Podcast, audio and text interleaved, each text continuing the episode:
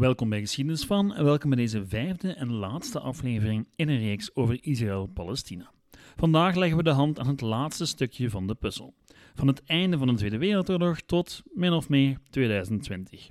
Passeren daarbij de revue, terrorisme, de stichting van de staat Israël, een opeenvolging van oorlogen en simpelweg een hele hoop ellende. Dat en meer in deze aflevering van Geschiedenis van.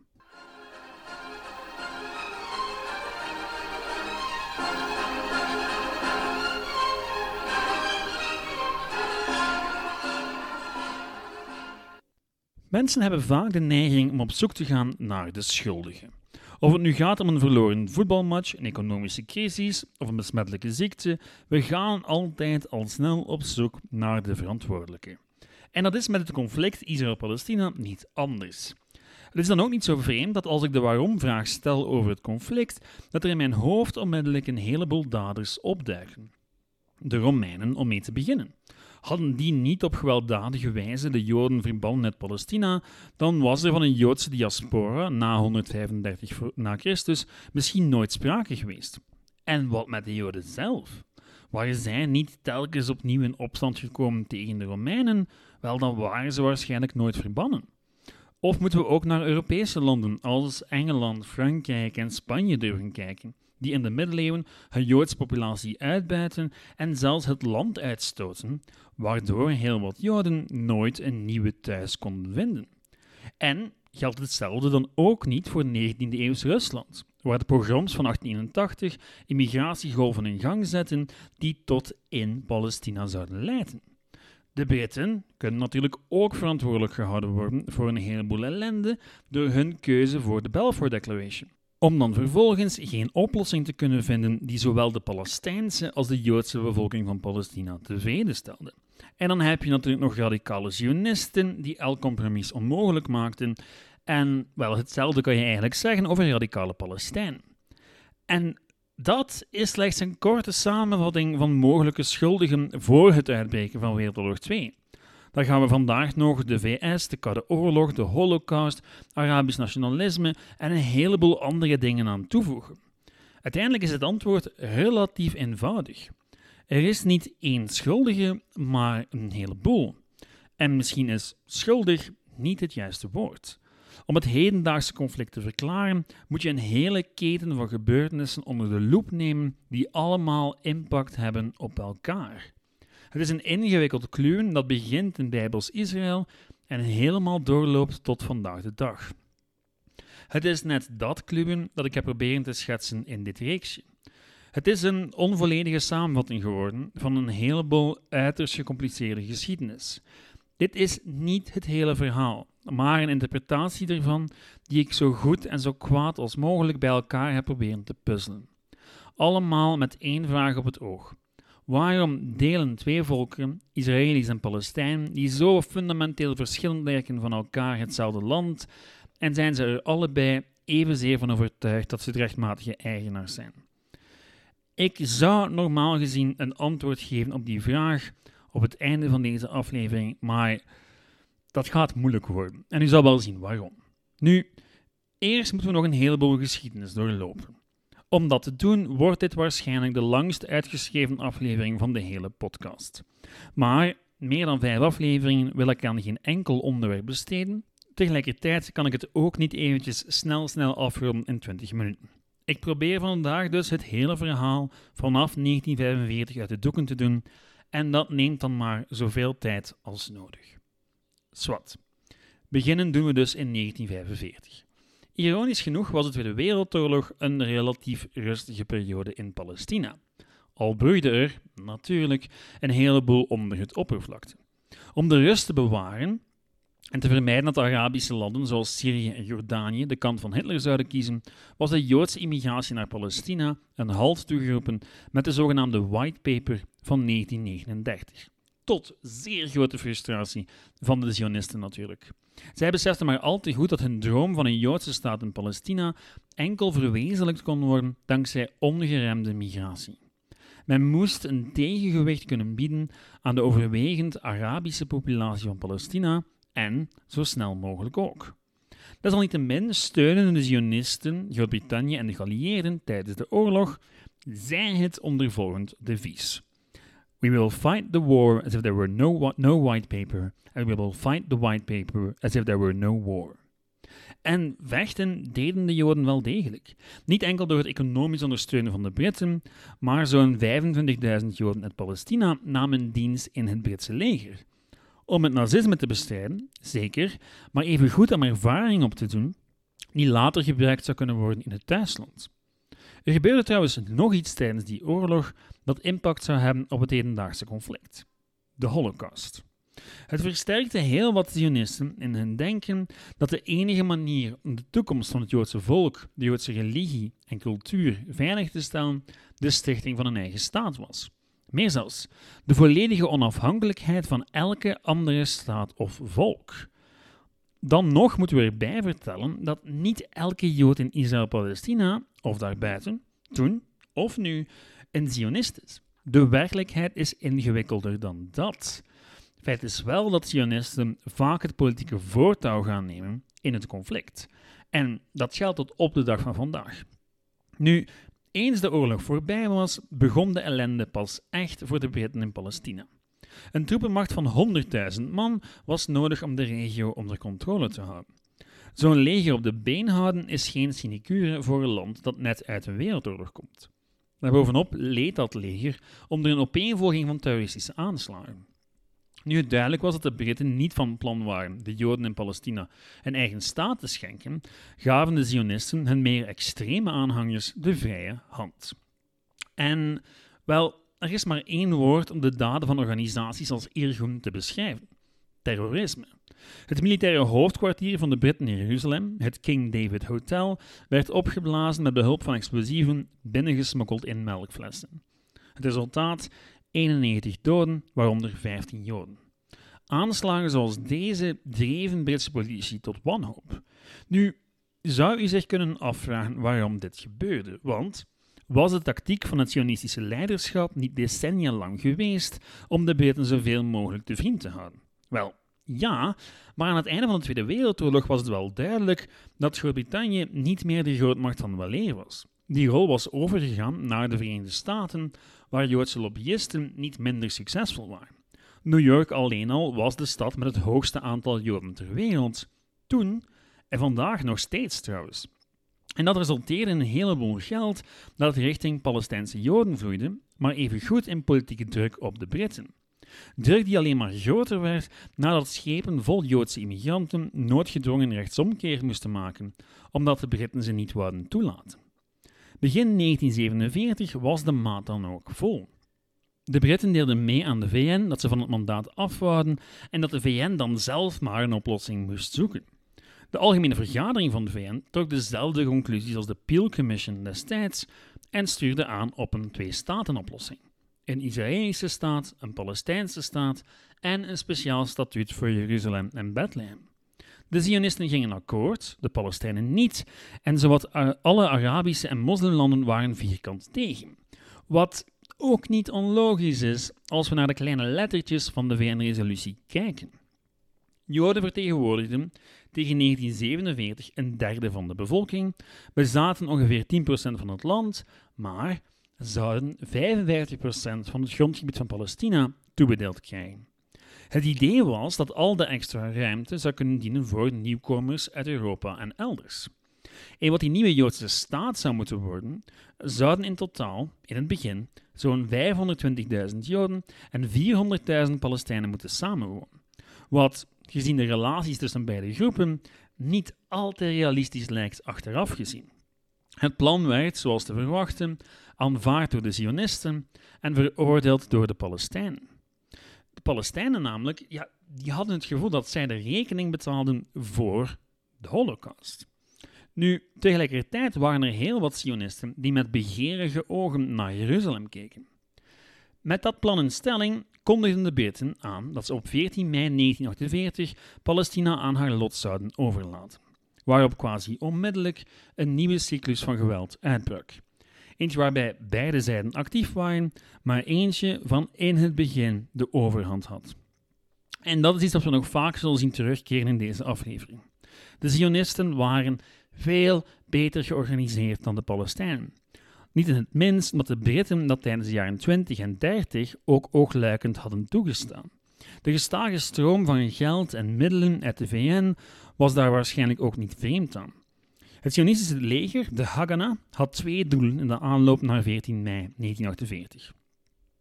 Alles wat de Britten achterlieten innemen, en al zeker militaire basissen, en ten tweede het vernietigen of innemen van alle Palestijnse dorpen op het grondgebied van de toekomstige Joodse staat. Het toenemende geweld leidde al vanaf februari 48 tot de vlucht van de Palestijnse elite. Toen vanaf april Joodse troepen begonnen met het innemen van Palestijnse dorpen en de lokale bevolking de deur wezen, was het hek van de dam. In Haifa, een stad waar de meerderheid Palestijns was, zorgden explosies in het Palestijnse deel van de stad ervoor dat 70.000 Palestijnen de stad ontvluchten. Op 9 april werden in het dorp Der Yassin meer dan 100 Palestijnen omgebracht. Wandaden zoals deze joegen heel wat Palestijnen op de vlucht. Voor 14 mei hadden al 300.000 Palestijnen het territorium van de toekomstige staat Israël ontvlucht. Sionistische historici zouden later steeds beweren dat het om een vrijwillige vlucht ging, een notie die door moderne historici steeds meer wordt tegengesproken. Het was immers duidelijk de bedoeling van de Haganah om te zorgen dat er zo weinig mogelijk Palestijnen zouden overblijven op Israëlisch grondgebied. Nu, natuurlijk liet men zich aan de Palestijnse kant ook niet zomaar doen. Enkele dagen na Yassin werd een Joods konvooi op weg naar een hospitaal overvallen en werden daar 78 mensen omgebracht, inclusief doksters en verpleegsters. Zeker de Joden in en rond Jeruzalem kregen het zeer hard te verduren en verplaatsingen om te gaan werken of voedsel te gaan halen werden een levensgevaarlijke onderneming. De situatie had dus al lang voor 14 mei het kookpunt bereikt, maar toen, wel, toen brak de hel pas echt los. Bleek dat de Zionisten de situatie redelijk goed hadden ingeschat. Jarenlang was men ervan uitgegaan dat op het moment dat de Britten zich zouden terugtrekken en Israël haar onafhankelijkheid zou verklaren, de Arabische buurlanden Israël zouden binnenvallen. En zo geschiedde. De staat Israël werd opgericht en de volgende dag stroomden Egyptische, Jordaanse, Syrische en Irakese troepen Israël en Palestina binnen. De Egyptenaren en Jordaniërs wouden de gebieden in handen krijgen die de VN aan de Palestijnen hadden toegekend. Oftewel, de Gazastrook aan de kust vlakbij Egypte en de westelijke Jordaanoever, inclusief Jeruzalem. De Syriërs en Irakezen hadden hun oog op het noorden. Het Israëlische leger hield stand, maar was maar al te blij met de voorlopige wapenstilstand op 10 juni. Het gaf hen de tijd om wapens in te kopen en nieuwe recruten in te lijven. Toen de Egyptenaren de wapenstilstand braken, was het Israëlische leger veel beter voorbereid dan haar Arabische tegenstanders. Tegen de tweede wapenstilstand in december had Israël de bovenhand gekregen. Tijdens die wapenstilstand probeerde een Zweedse onderhandelaar, de graaf van Bernadotte, van de VN een vredesplan te onderhandelen, waarbij alle gevluchte Palestijnen terug zouden mogen komen en Jeruzalem onder internationale controle zou blijven. Een dag na de voorstelling van dit compromis werd hij vermoord door een Joodse terrorist. Dit is trouwens een thema dat wel een paar keer gaat terugkomen. Zij die voor vrede staan, overleven het vaak niet. De details van de derde fase van de oorlog bespaar ik u, maar het geheel eindigde in januari 1949 met een laatste wapenstilstand. De definitieve uitslag klonk als volgt. Het piepjonge Israël had niet alleen vier naties weten af te houden, ze hadden daar bovenop 78% van het Britse mandaatgebied in handen weten te krijgen. Een pak meer dan de 55% waarin de VN-resolutie voorzien had. Bovendien leefden er in het gebied dat ze controleerden nog amper Palestijn. Bovenop de 300.000 van voor 14 mei waren er nog eens 400.000 op de vlucht geslaan. Zij vonden een toevlucht in de buurlanden, de Gazastrook of de westelijke Jordaanoever. Voor de Israëli's was dit hun glorieuze onafhankelijkheidsoorlog, voor Arabieren binnen en buiten Palestina de Nakba, de ramp. Israël trok enkele belangrijke lessen uit de oorlog en de jaren ervoor. Het was beter om feiten te creëren dan tijd te verspillen aan onderhandelen. Beter om de rest van de wereld voor een voldongen feit te stellen dan zich te verliezen in eindeloze compromissen of discussies.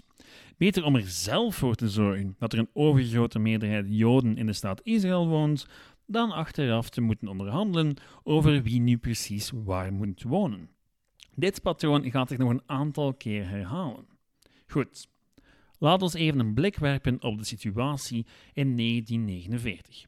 Egypte heerste over de Gazastrook, Jordanië over de westelijke Jordaanoever en het oudste stuk van Jeruzalem, en Israël over al de rest. De Palestijnen waren zowat overal gereduceerd tot tweederangsburgers die hun eigen lot niet in handen hadden. Of het nu vluchtelingenkampen waren, de Gazastrook, Jeruzalem of waar dan ook. Wat op het eerste zicht nogal vreemd lijken kan.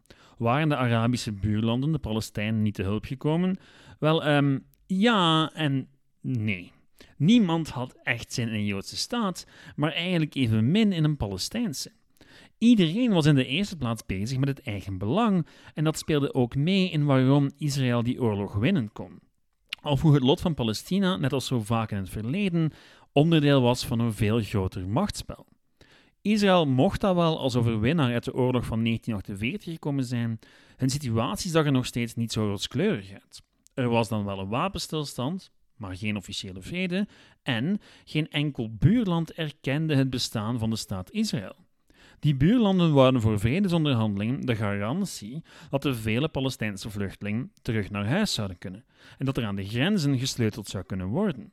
Voor Israël was geen van beiden echt een optie en men besloot om de boel dan maar de boel te laten. Men had immers al grotendeels wat men wou. Oftewel, feiten zijn belangrijker dan woorden. En dus bleef de boel een hele tijd de boel, wat vooral voor de Palestijnen problematisch was. Niet zozeer voor zij op de Westover, want Jordanië was van plan om alle Palestijnen daar Jordaniërs te laten worden. Zij werden dus niet al te slecht behandeld op voorwaarde dat ze zich neerlegden bij de Jordaanse heerschappij. Nu, de Palestijnen in de Gazastrook die hadden het een pak slechter. De bevolking daar bestond voor 80% uit vluchtelingen. Er was amper water en elektriciteit beschikbaar en ook voor voeding was men afhankelijk van hulporganisaties. Of hoe de situatie in de Gazastrook sinds 1949 bitter weinig veranderd is. De vluchtelingen in Libanon hadden het ook niet makkelijk. Zij mochten enkel wonen en werken in vluchtelingenkampen die met het verstrijken van de tijd permanent werden. Zo permanent dat het merendeel ervan vandaag de dag nog steeds bestaat. Jawel, 74 jaar later. En wat met de Palestijnen in Israël? Wel, door de vlucht van 700.000 Palestijnen waren er na de oorlog nog maar zo'n 155.000 niet-Joden over. Een cijfer waar de Israëlische regering best blij mee was. Zolang men de gevluchte Palestijnen kon weerhouden van terug te keren, moest men niet langer vrezen voor een grote groep mogelijk vijandige moslims in eigen land. Het land van al die vluchtelingen werd in beslag genomen en verdeeld onder de vele nieuwkomers die Israël binnenstroomden, nu niemand hen nog tegenhield. De Palestijnen in Israël kregen wel degelijk het Israëlische burgerschap toegekend, maar bleven desalniettemin tweederangsburgers die in naam van de nationale veiligheid nooit echt dezelfde rechten hadden als Israëli's. Een van de belangrijkste redenen daarvoor is dat militaire dienstplicht verplicht was in Israël, zowel voor mannen als vrouwen. En heel wat overheidsjobs, sociale zekerheid, sociale woningen en een heleboel andere zaken waren voorbehouden aan burgers die hun dienstplicht gedaan hadden. Een dienstplicht waarvan Israëlische Palestijnen waren uitgesloten. Nu, hebt u waarschijnlijk al door dat de oorlog van 1948 het lot van Israël en Palestina in een min of meer definitieve plooi heeft gelegd. Er gaat nog een heleboel gebeuren. We zitten nog niet aan de helft van deze aflevering, maar de bottom line zal altijd dezelfde blijven. Israël kan in grote mate haar eigen lot bepalen door proactief op te treden, terwijl Palestijnen vooral leidend voorwerp zijn. Wat niet wil zeggen dat Israël ongelijk had om heel hard bezig te zijn met haar eigen veiligheid en dat de frustraties bij Palestijnen niet aanleiding zullen geven tot een heleboel geweld en bloedvergieten. Opnieuw, niemand is onschuldig in dit hele verhaal. De Palestijnen zullen langzaam maar zeker en met de nodige moeite hun eigen politieke bewegingen oprichten, waarvan Fatah de belangrijkste is. Het was een nationalistische beweging die Palestina wou bevrijden en daarvoor niet rekende op de hulp van de Arabische buurlanden. Gesticht in 1959 werden ze pas echt populair bij de Palestijnen, ze vanaf 1964 terroristische aanslagen begonnen uit te voeren op Israëlisch grondgebied. Die aanvallen aan zich hadden weinig effect, maar in de vluchtelingenkampen werd het nieuws dat iemand iets deed met veel enthousiasme onthaald. Al waren de gevolgen natuurlijk niet min. Israël sloeg steeds terug, zelfs in territorium bezet door de Jordaniërs of de vluchtelingenkampen in Libanon. Het geweld leidde nog maar eens tot meer geweld. En bij gevolg had Israël ook niet het gevoel dat het moest onderhandelen met wie dan ook. Door de continue instroom van Joodse migranten uit de hele wereld was er meer dan genoeg volk om het vrijgekomen land onder handen te nemen en bloeide de Israëlische economie. Er groeide ook langzaam maar zeker een gemeenschappelijke cultuur. Het Hebreeuws werd de nationale taal die iedereen leerde tijdens de dienstplicht. Daar werden ook de waarden en normen van de nieuwe natie in de hoofden van alle nieuwkomers gestampt. Niet onnodig als je weet dat in Israël Joden uit Marokko, de VS, Polen, Rusland, Jemen en een heleboel andere plekken samenkwamen. Met financiële steun uit het buitenland ontwikkelde Israël zich razendsnel en tegen het einde van de jaren 60 was het land even welvarend als de gemiddelde Europese natiestaat. Tegelijkertijd veranderde de houding van de Arabische buurlanden van Israël niet met de tijd. Integendeel. Egypte's sterke man Nasser verhoogde vanaf 1966 de druk op Israël. Zijn retoriek werd steeds oorlogszuchtiger en steeds meer anti-Israël. Naar alle waarschijnlijkheid wil hij zichzelf opwerpen als leider van de Arabische naties in het Midden-Oosten. Nu had Israël zeer weinig geduld met dat soort tactieken, en toen Nasser de toegang tot de Rode Zee afsloot en een week later opriep om al het veroverde territorium in 1948 af te geven, was de maat vol. In plaats van te wachten op een gecoördineerde aanval van Syrië, Egypte en Jordanië, ging men tot actie over. Een preemptive strike, zoals dat zo mooi heet in het Engels. Op 5 juni 1967 viel Israël aan. Te beginnen met luchtaanvallen die op twee dagen tijd zowat de hele luchtmacht van de drie buren aan degelen schoot. De 200 Franse vliegtuigen van de Israëli's bleken superieur te zijn aan het Sovjetmateriaal dat de Arabische landen gebruikten. Vervolgens rukte het leger op. Gaza viel, de westelijke Jordaanover inclusief Jeruzalem, en daar stopte men niet. In het zuiden werd de Sinai-woestijn heroverd, in het oosten nam men de Golanhoogten af van Syrië.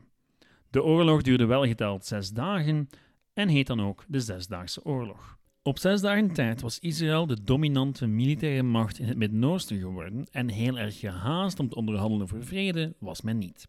Technisch gezien was er trouwens nooit vrede geweest sinds 1948, enkel een wapenstilstand. De Verenigde Naties probeerden een consensus te vinden en in november 1967 werd resolutie 242 aangenomen in de Veiligheidsraad. Die riep op tot een permanente vrede, de terugtrekking van Israël uit de door hen veroverde gebieden, respect voor het recht van elke staat om binnen haar eigen erkende grenzen te leven zonder dreiging of geweld. Die resolutie werd aanvaard door iedereen behalve de Syriërs, maar vrede, ja, dat is nog iets anders. De Arabische staten eisten dat Israël zich terugtrok uit de veroverde gebieden, maar Israël wou eerst echte garanties op vrede en officiële herkenning. Compleet verstaanbaar vanuit beide perspectieven, maar zo raakten de onderhandelingen natuurlijk nergens. Dat het vroeg of laat opnieuw tot een gewapend treffen zou komen, verwachtte iedereen, maar voor één keer liet Israël zich verrassen.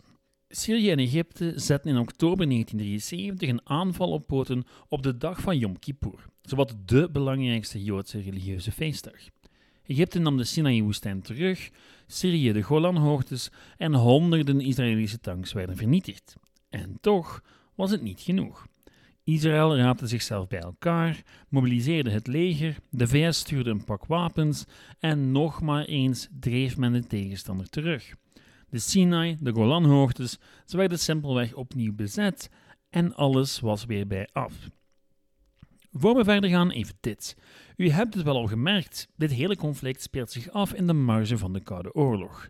En natuurlijk hebben we geen tijd om daar uitgebreid op in te gaan, maar het is wel van belang. Een van de grote redenen dat Israël zich op economisch en militair vlak zo snel kon ontwikkelen, was de steun van de VS en Europa. Die deden dat enerzijds dankzij hun maar evengoed door een koude oorloglogica, waar Israël gezien werd als de meest oostelijke uitpost van het Westen. Op een bepaalde manier waren de Zesdaagse Oorlog, de Yom Kippur-oorlog, gewoon proxyoorlogen, net zoals Vietnam en later in de jaren 80 Afghanistan. Of hoe je bijna elk gewapend conflict in de loop van de tweede helft van de 20e eeuw door die bril moet bekijken. Ook Israël-Palestina.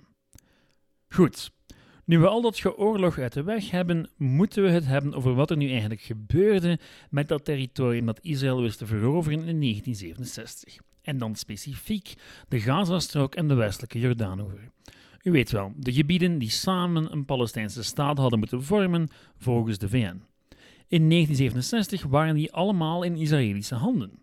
Wat men niet deed, is wat je misschien verwachten kon. Zijnde gewoon de hele boel annexeren vanuit het idee dat Bijbels Israël moest herreizen. Heel Bijbels Israël.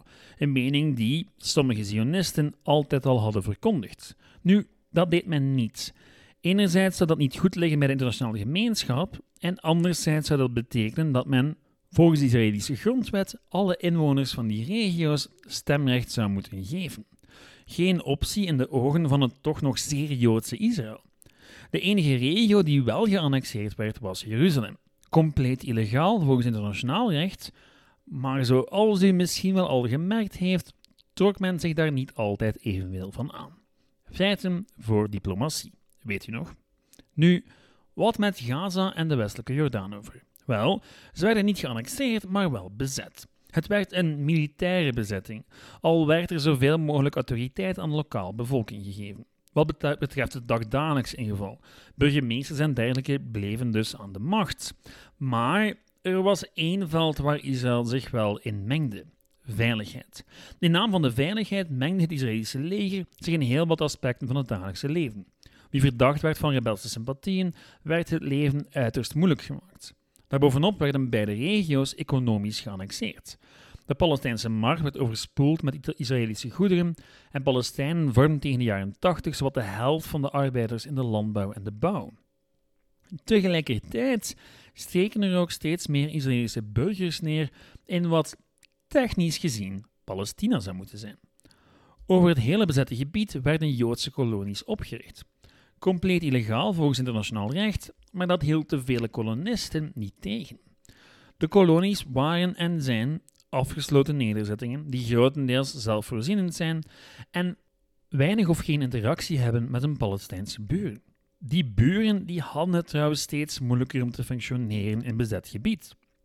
Zo werden waterbronnen vaak toegeëigend door de kolonies en bij gevolg hadden de Palestijnse boeren het een pak lastiger om hun velden te irrigeren.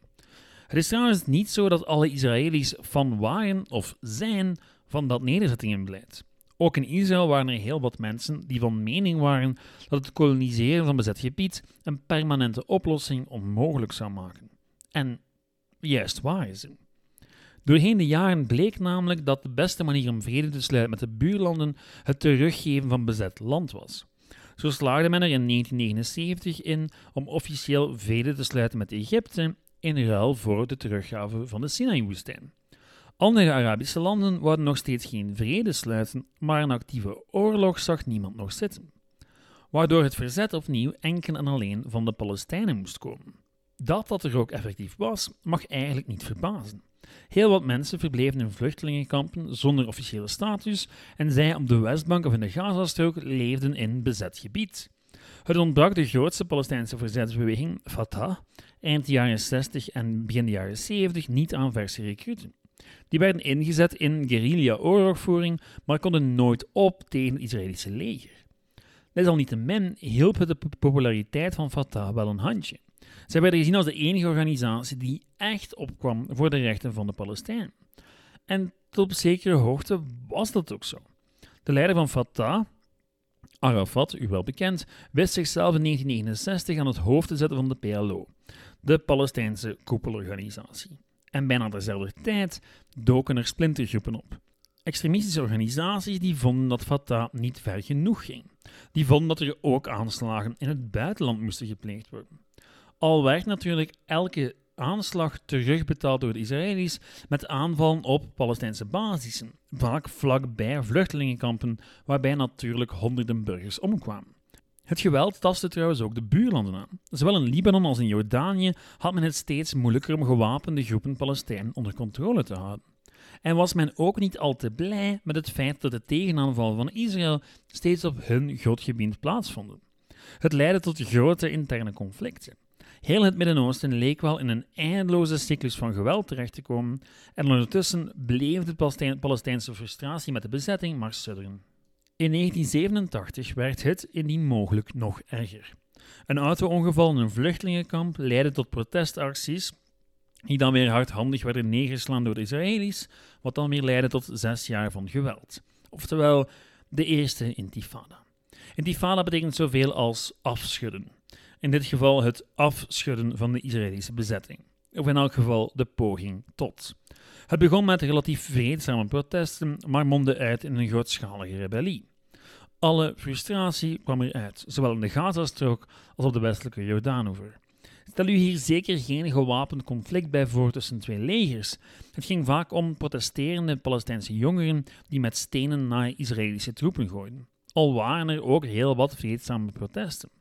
Het probleem was dat er te weinig nodig was om die vreedzame protesten te laten uitmonden in geweld. En dat heeft natuurlijk alles te maken met de reactie van Israël, namelijk de ijzeren vuist. Arrestaties, geweld, waterkanon, traangas enzovoort. Na jaren straatgeweld werd zowat de hele internationale gemeenschap en heel wat Israëli's het volgende duidelijk.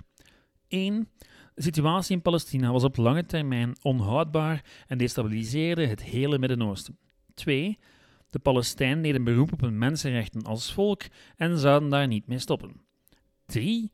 De reactie van Israël was destructief en droeg alleen maar bij tot een cyclus van geweld. Algemene conclusie: er moest gepraat worden. Langzaam maar zeker werd sommigen in Europa en de VS duidelijk dat Arafat de gematigde kant van de Palestijnse verzetsbeweging vertegenwoordigde en dat er dus misschien mee kon gepraat worden. Binnen Israël waren er toen ook heel wat politici die de financiële en diplomatieke last van de intifada grondig beu waren. Vrede was plots geen vuil woord meer. Wat me brengt tot de Oslo-akkoorden. Nu zou ik hier gerust een hele aflevering aan kunnen besteden, maar bij tijdsgebrek gaan we dat niet doen. Laat mij het dus gewoon bij de kern van de zaak houden. Ze zijn mislukt. Van 1993 tot 2000 werd er intens onderhandeld tussen Palestijnen en Israëli's. Het begon zo mooi in 1993 met een handdruk tussen de Israëlische premier Yitzhak Rabin en Arafat onder het toeziend oog van Bill Clinton. Iedereen was moe, iedereen was het beu en de VS had nood aan stabiliteit in het Midden-Oosten. Het idee in 1993 was dat beide zijden elkaar zouden erkennen als gesprekspartners, een einde zouden maken aan de intifada en het geweld dat de bezettingstroepen zich gedeeltelijk zouden terugtrekken en dat er de komende vijf jaar over de echte problemen onderhandeld zouden worden. En die onderhandelingen die gingen vervolgens nergens heen. Palestijnen wouden een eigen onafhankelijke staat, met Jeruzalem als hoofdstad, en dat bleek uiteindelijk iets waar Israël maar moeilijk mee akkoord kon gaan. Tussen 1993 en 2000 kreeg de PLO wel degelijk wat macht in Palestina. Ze werd de zogenaamde Palestijnse autoriteit. Maar alle macht die ze uitoefenden gebeurde steeds volgens Israëlische voorwaarden. En in de ogen van heel wat Palestijnen transformeerde de Palestijnse autoriteit in Israëls waakhond in plaats van een verdediger van de Palestijnse belangen.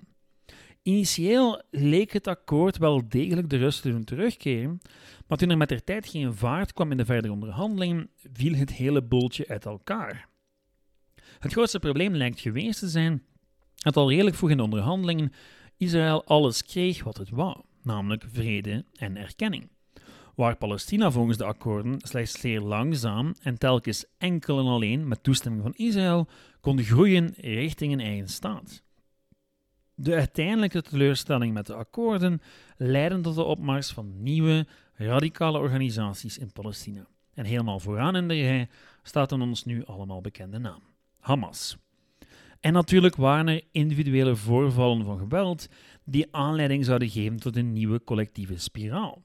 In februari 1994 drong een geradicaliseerde Joodse kolonist de moskee van Hebron binnen en bracht er 29 moslims om. Twee maanden later bracht Hamas met een bom bij een bushalte acht Israëli's om. Het resultaat was een nieuwe cyclus van geweld en al vlug deden Israëlische troepen opnieuw hun intrede in de bezette gebieden. Let op, naar alle waarschijnlijkheid was er toen nog steeds een overgrote meerderheid van Palestijnen en Israëli's die vrede wou. Het grote probleem was dat extremisten aan beide zijden het proces zowat onmogelijk maakten. In november 1995 bijvoorbeeld verzamelden 150.000 Israëli's in Tel Aviv voor een vredesrally om er Yitzhak Rabin te horen spreken. U weet wel, de man van de handdruk met Arafat. Na de rally werd hij neergeschoten door een geradicaliseerde Israëli. De grootste publieke voorstander van het vredesproces in Israël was dood. En toen in februari en maart Hamas zelfmoordaanslagen pleegden in Tel Aviv, pavijden die de weg voor de rechtsconservatieve partij Likud. Die kwam in 1997 aan de macht met aan haar hoofd een zekere Benjamin Netanyahu. Jawel, diezelfde Benjamin Netanyahu die vandaag de dag nog steeds minister is. Hij is af en toe even van het voorplan verdwenen, maar evengoed steeds teruggekomen en zijn impact is niet te onderschatten. Netanyahu en zijn Likud geloofden meer dan welke andere regerende partij in Israël in harde feiten. Oost-Jeruzalem werd afgesloten van de westelijke bank van de Jordaanoever, waardoor het nooit de hoofdstad van een onafhankelijke Palestina zou kunnen worden. Tegelijkertijd werden steeds meer nederzettingen opgericht in bezet gebied, waardoor het idee van een onafhankelijk Palestina steeds onwaarschijnlijker leek. Enerzijds was men aan het onderhandelen met de Palestijnen en anderzijds druk bezig een echte oplossing onmogelijk te maken. Om het in cijfers uit te drukken, tussen 1993 en 2000 verhoogde het aantal kolonisten met 70%. Van 115.000 tot 200.000. Daarbovenop waren het vaak de meest extreme Zionisten die neerstreken in de nederzettingen en vaak botsten met lokale Palestijnen. Tegelijkertijd golden er twee maten en gewichten: de burgerlijke Israëlische wet voor de kolonisten en de militaire wet voor de Palestijnen. Tegen 2000 hadden de Oslo-akkoorden de positie van de Palestijnen in bezet gebied verzwakt in plaats van versterkt. Daarbovenop nam de Palestijnse economie ook nog eens een serieuze duik. Israël had tijdens onderhandelingen immers controle gekregen over de Palestijnse economie en gebruikte vanaf de jaren 90 ook haar economische macht om Palestijnen te straffen voor allerhande aanslagen. Tegelijkertijd bleek de Palestijnse autoriteit corrupt en inefficiënt te zijn. Arafat en zijn aanhangers dachten in grote mate aan hun eigen belangen en durfden tegelijkertijd weinig of niks te doen tegen radicale groeperingen als Hamas. Dit alles samen zorgde ervoor dat tegen 1997 niemand nog echt geloofde in vredesonderhandelingen. Behalve Washington dan, dat iedereen onder druk zette om toch maar verder te onderhandelen. De ultieme poging waren de zogenaamde Camp David-akkoorden in 2000. Ondertussen was de Arbeidspartij aan de macht en haar eerste minister Ehud Barak deed een soortement van alles of niets poging om de onderhandelingen nieuw leven in te blazen. Het was een deal die verdacht veel weg had van vorige voorstellen, zoals die van de Peel Commission of de VN-resolutie van 1948. Alleen zaten de percentages weer net iets meer in het voordeel van de Israëli's en in het nadeel van de Palestijnen. Palestijnen zouden de Gazastrook krijgen en 90% van de Westhoever. Die 10% daar zaten de grootste Israëlische nederzettingen. Het was een grote politieke gok en best moedig. Daarbovenop was het geen onlogisch voorstel, maar net zoals bij de vorige van dat soort voorstellen liep het vast op een nogal begrijpelijke Palestijnse reflex. Waarom moeten wij alweer ons land weggeven? En daarbovenop was men natuurlijk zeer wantrouwig geworden tegenover Israëlische beloftes na de Oslo-akkoorden. En dan was er nog de kwestie van de vluchtelingen, Jeruzalem en. Wel, het antwoord was nee. En daarmee was nog maar eens elke kans op vrede verkeken. Twee maanden later bezocht Israëlisch politicus Ariel Sharon, toen voorzitter van Likud, de Tempelberg in Jeruzalem, waarmee hij het ongenoegen van de Palestijnen opstookte en de tweede intifada in gang stak. Die tweede duurde vijf jaar en was nog gewelddadiger dan de eerste. 3000 dode Palestijnen en 1000 dode Israëli's waren het gevolg. Sharons bezoekje was niets meer dan een vonk die het hele Palestijnse kruidvat van ongenoegen deed ontploffen. Niks was echt veranderd na de Oslo-akkoorden.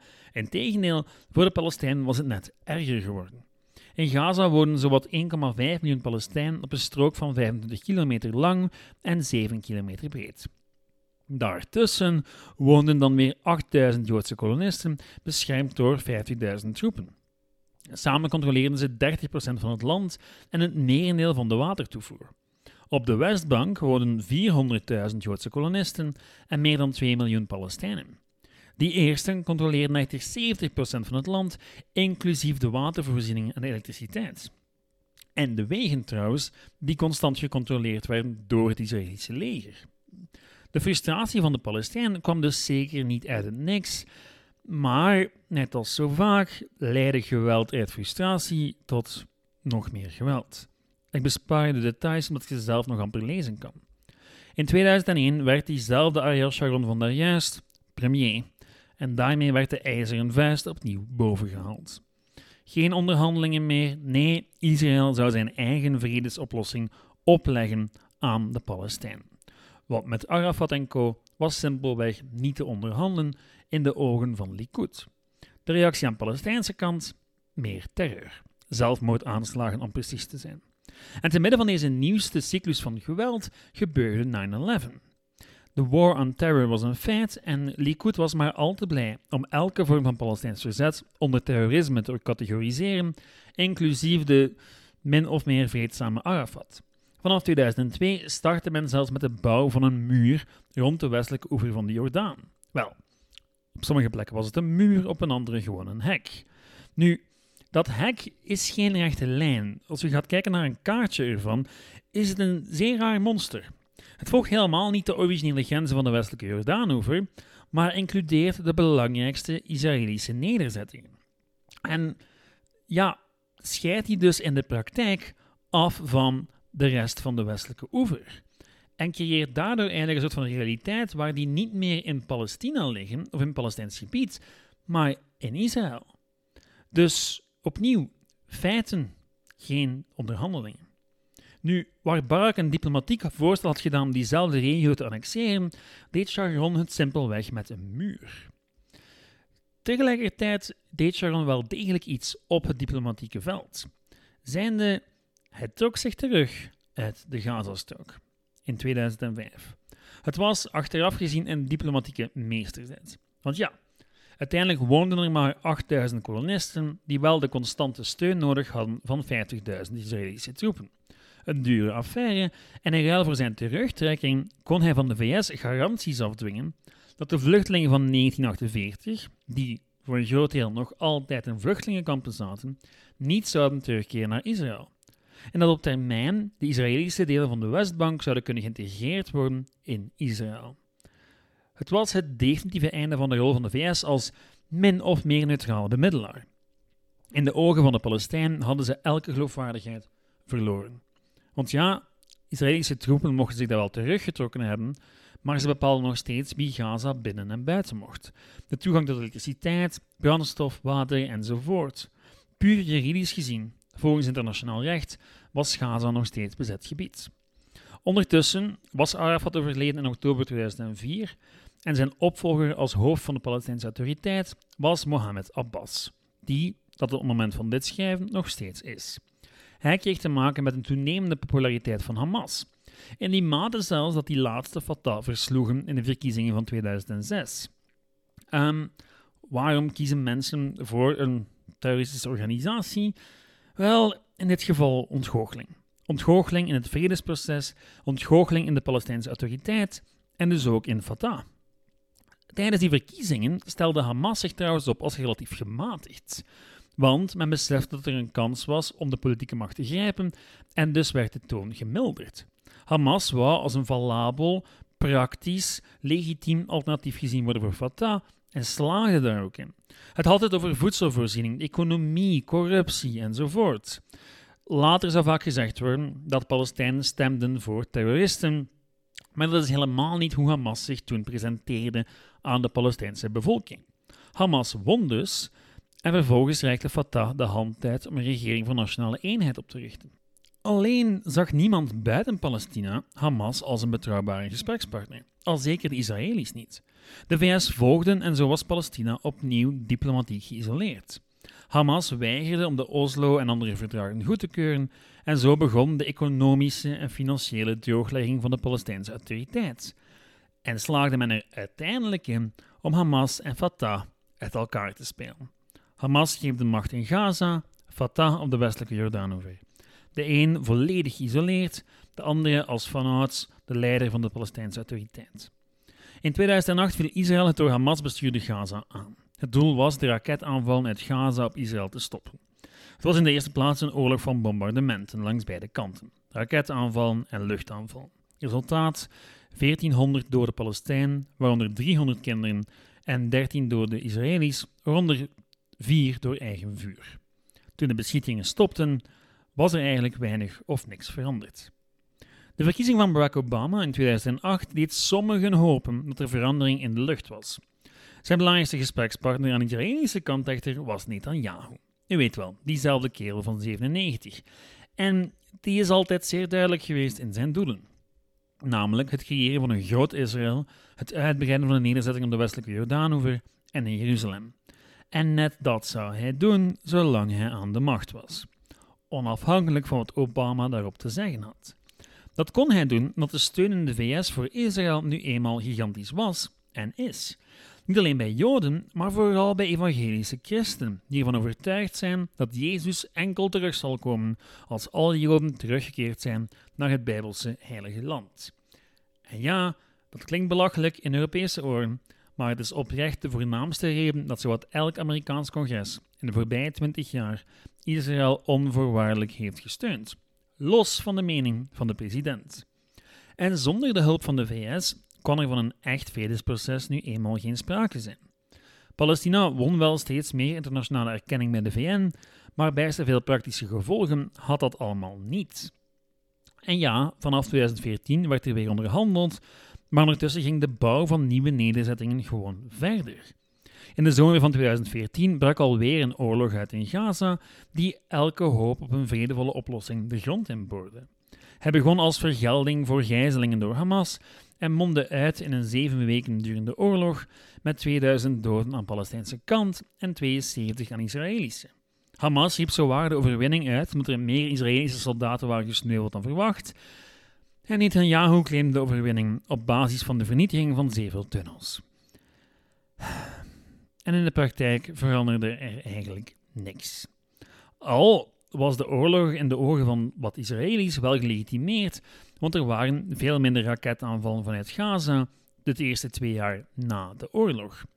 Iets wat voor sommigen het idee liet ontstaan dat men om de paar jaar, en ik citeer, het gras moest maaien in Gaza.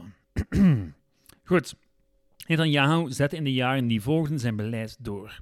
Joodse nederzettingen op de Westbank werden geregulariseerd, waardoor Israël haar grenzen nog maar eens verlegde, en in 2018 werd de zogenaamde Nazistaatwet doorgevoerd. Kort samengevat, Israëlische Palestijnen, goed voor 20% van de bevolking, hadden niet langer het recht op nationale zelfdeterminatie. Oftewel, Palestijnen in Israël waren nu ook officieel tweederangsburgers. Arabisch was niet langer een officiële taal en de joodsheid van de Israëlische staat werd nu wettelijk vastgelegd. Desalniettemin bleven heel wat Palestijnse en Israëlische organisaties streven voor gelijkheid en vrede. Nu, een van de redenen dat Netanyahu zich sterk genoeg voelde om dit allemaal te doen, was de toenmalige Amerikaanse president Donald Trump, die zijn verkiezing in 2016 voor een groot deel te danken had aan evangelische christenen en Israël bij gevolg onvoorwaardelijk steunde. In 2020 kwam Trump zelfs met zijn eigen vredesakkoord, de zogenaamde Deal of the Century. Dit stond erin. De Jordaanvallei zou geannexeerd worden door Israël, dat ze nu eenmaal essentieel was voor de Israëlische veiligheid. Daarbovenop kwam ook nog eens de annexatie van 30% van de Westbank en de stadje Abu Dis aan de rand van Jeruzalem zou de hoofdstad worden van een onafhankelijk Palestina.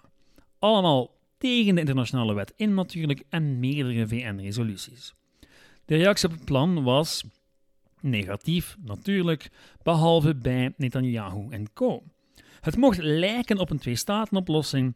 In de realiteit zou het enkel een totaal onleefbare Palestijnse staat opleveren. Ze zou geen grenzen hebben met andere Arabische staten, geen eigen leger mogen hebben, noch controle over haar eigen grenzen of waterbronnen. Al wat de Palestijnen wel kregen, was een groot financieel steunpakket. Maar ja, Abbas antwoordde al snel dat Jeruzalem en Palestijnse rechten niet te koop waren. En dat was min of meer de diplomatieke situatie tot oktober dit jaar, toen Hamas verschrikkelijke aanvallen uitvoerde op Israël, die onmiddellijk beantwoord werden. Eindigen doen we met een kort overzicht van de situatie zoals ze was vlak voor de gevechten uitbraken. Op de Westbank en in Oost-Jeruzalem leven er ongeveer 670.000 kolonisten in nederzettingen. Werken doen ze meestal in Israël, behalve een nogal extreme minderheid die veel dieper in de Westbank woont en daar een leven probeert uit te bouwen. En vaak in conflict komt met Palestijn. Conflicten tussen kolonisten en Palestijn nemen toe de laatste jaren. De ene valt nog altijd onder de Israëlische burgerlijke wet, de andere onder de militaire wet. In Oost-Jeruzalem woont nog steeds een meerderheid van 60% Palestijnen die geen stemrecht hebben. Gaza wordt dan weer bestempeld als de grootste openluchtgevangenis ter wereld. Er is een blokkade en de regio hangt volledig af van Israël voor water en elektriciteit. In 2019 al was 70% van de bevolking afhankelijk van hulporganisaties. En velen duiden de ellendige levensstijl in Gaza als oorzaak aan voor de aanslagen. Of zoals journalist Amira Hass schreef: Laat ze ademen en ze zullen ondervinden dat het leven mooier is dan de dood. Wat me zeer passend lijkt. Hamas reageert dictatoriaal over de Gazastrook en executeert Palestijnen die durven samenwerken met Israël. En tegelijkertijd wordt Hamas beschouwd als het laatste bastion van verzet en is er dus nog steeds steun voor voor de Palestijnse bevolking. Want die bevolking die wil niet opgeven, die wil niet stoppen en die wil niet weg. Die is er nog steeds van overtuigd dat ze recht heeft op een eigen land. Net als Israëli's trouwens. Goed, dat was de situatie voor september 2023. Ehm, vandaag de dag lijkt vrede verder weg dan ooit. Niet enkel vanwege de huidige situatie, maar eerder vanwege alles waar ik het vandaag over gehad heb. Swat, um, ik ga hier laten voor vandaag. Ik ging normaal gezien proberen om nog antwoorden te geven op enkele van de grote vragen, maar ik ga het niet doen. Um, ik kan niet meer. Misschien moeten voor deze ene keer de feiten gewoon voor zichzelf spreken. Ik schrijf dit op zaterdagavond. Het is 20 voor 12. Ik heb hier een hele week aan gewerkt. Tussendoor, na mijn eigen werkuren. Um, ik kan niet meer. Iedereen is op een of andere manier schuldig. En tegelijkertijd zijn bijna iedereen's motieven op een of andere manier te begrijpen. Er zijn geen simpele, duidelijke antwoorden. Er is niet één slechterik. Het is gewoon een complex kluwen van gebeurtenissen. Waar wel degelijk een lijn in te zien valt, maar die is zo deprimerend dat ik er zelfs niet eens meer over wil hebben. Dus, weet je, als je dit allemaal beluisterd heeft, dan kan je waarschijnlijk je eigen conclusies trekken. Ik heb voor deze aflevering geen nieuwe literatuur gebruikt, maar vooral die waar ik het vorige week al over had, dan in de eerste plaats het boek The Shorted History of Israel and Palestine. De titel doet het werk onrecht aan, het is nog steeds 207 pagina's lang, vreselijk gedetailleerd en zeer genuanceerd ook. Um, het is echt een aanrader, mits u de depressie erbij neemt, zoals ik gedaan heb. Goed, dat was het voor deze reeks. Um, ik hoop oprecht dat ik niemand heb kwaad gemaakt en zoveel mogelijk mensen iets heb bijgebracht. Het schrijven van deze reeks was een, een opgave. Het is met voorsprong het moeilijkste dat ik ooit geproduceerd heb. En dan vooral deze laatste aflevering. Die hangt, vrees ik, met haken en ogen aan elkaar. Is helemaal niet zo goed geschreven als wat ik probeer te doen, normaal gezien. Maar goed, um, jullie hebben erom gevraagd om deze reeks. Ik heb mijn best gedaan en hopelijk heb je er iets aan. Zwat. Met opmerkingen, verzoekjes en feedback kan u zoals altijd terecht op de website geschiedenisvan.be, het e-mailadres geschiedenisvan.outlook.be en de Facebookgroep Geschiedenis van. Volgende week iets helemaal anders, een aflevering over volksliederen en ik denk dat we de komende weken de toon wat lichter gaan houden. Zo komt er bijvoorbeeld een reeks van twee afleveringen over Sinterklaas. Omdat het kan en ik het nodig heb. Zwat, bedankt voor het luisteren en tot de volgende. Ciao.